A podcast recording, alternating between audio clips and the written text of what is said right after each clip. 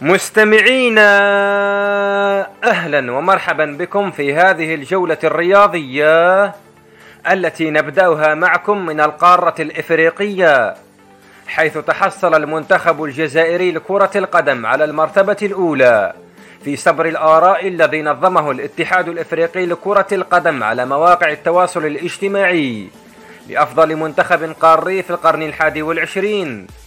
وتفوق أشبال المدرب جمال بالماضي المتوجون باللقب القاري صيف العام الماضي. على الجيل التاريخي لمنتخب الكاميرون عامي 2000 و2002 والذي حقق بطولتين لكأس أمم إفريقيا على التوالي.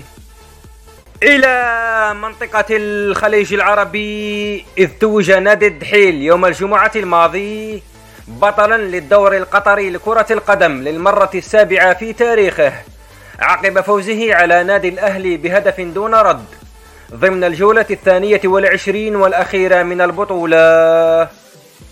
وفي القارة الأوروبية العجوز أعلن الاتحاد الدولي لكرة القدم يوم الثلاثاء الماضي أنه قرر عدم إقامة مباريات دولية للمنتخبات الوطنية خلال شهر سبتمبر المقبل إلا في القارة الأوروبية.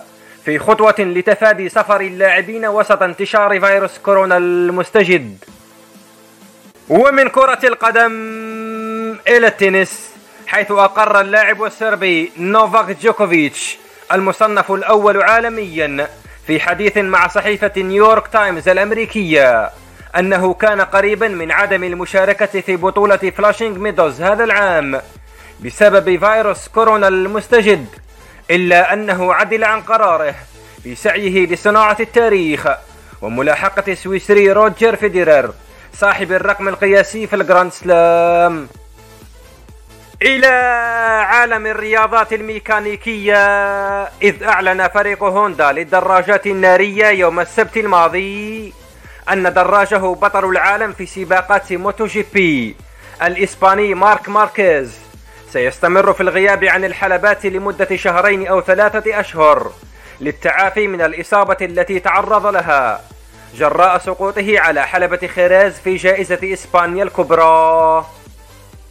محطتنا التالية مع معشوقة الجماهير الأمريكية كرة السلة حيث أعلنت رابطة دوري كرة السلة الأمريكي للمحترفين يوم السبت الماضي. عن اختيار مدرب فريق تورونتو رابترز. نيك نورس أفضل مدرب في الدوري لموسم 2019-2020 وحصل نورس على 470 نقطة متفوقا بفارق كبير عن مدرب ميلوكي بوكس مايك بودنهولزر الذي تحصل على 147 نقطة. فيما حل مدرب أوكلاهوما سيتي ثاندر بيلي دونوفان. في المركز الثالث برصيد 134 نقطة. مستمعينا نختتم جولتنا الرياضية معكم بهذا الخبر.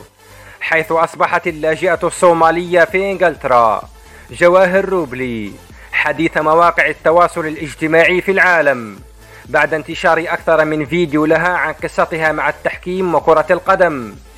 ونشرت جواهر عبر حسابها على موقع التواصل الاجتماعي تويتر. فيديوهات للقاءات أجرتها معها محطات تلفزيونية عالمية.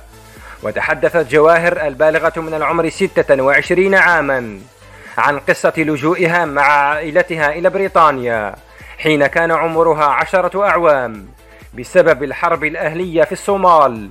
وقالت إنها دخلت التحكيم بالصدفة خلال مباراة مع رفيقاتها.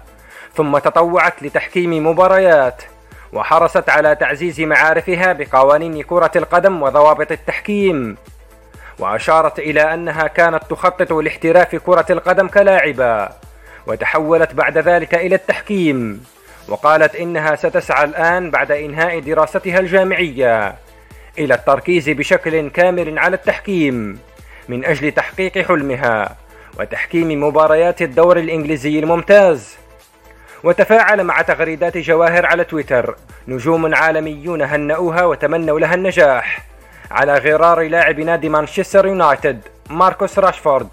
واللاعب الإنجليزي السابق جاري لينيكر. بالإضافة لعدد من الرياضيين والناشطين الإعلاميين الآخرين.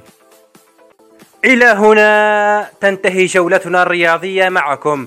نشكركم مستمعينا على حسن متابعتكم. وتقبلوا تحيات عبد الرحمن بن شيخ لراديو صوت العرب من أمريكا.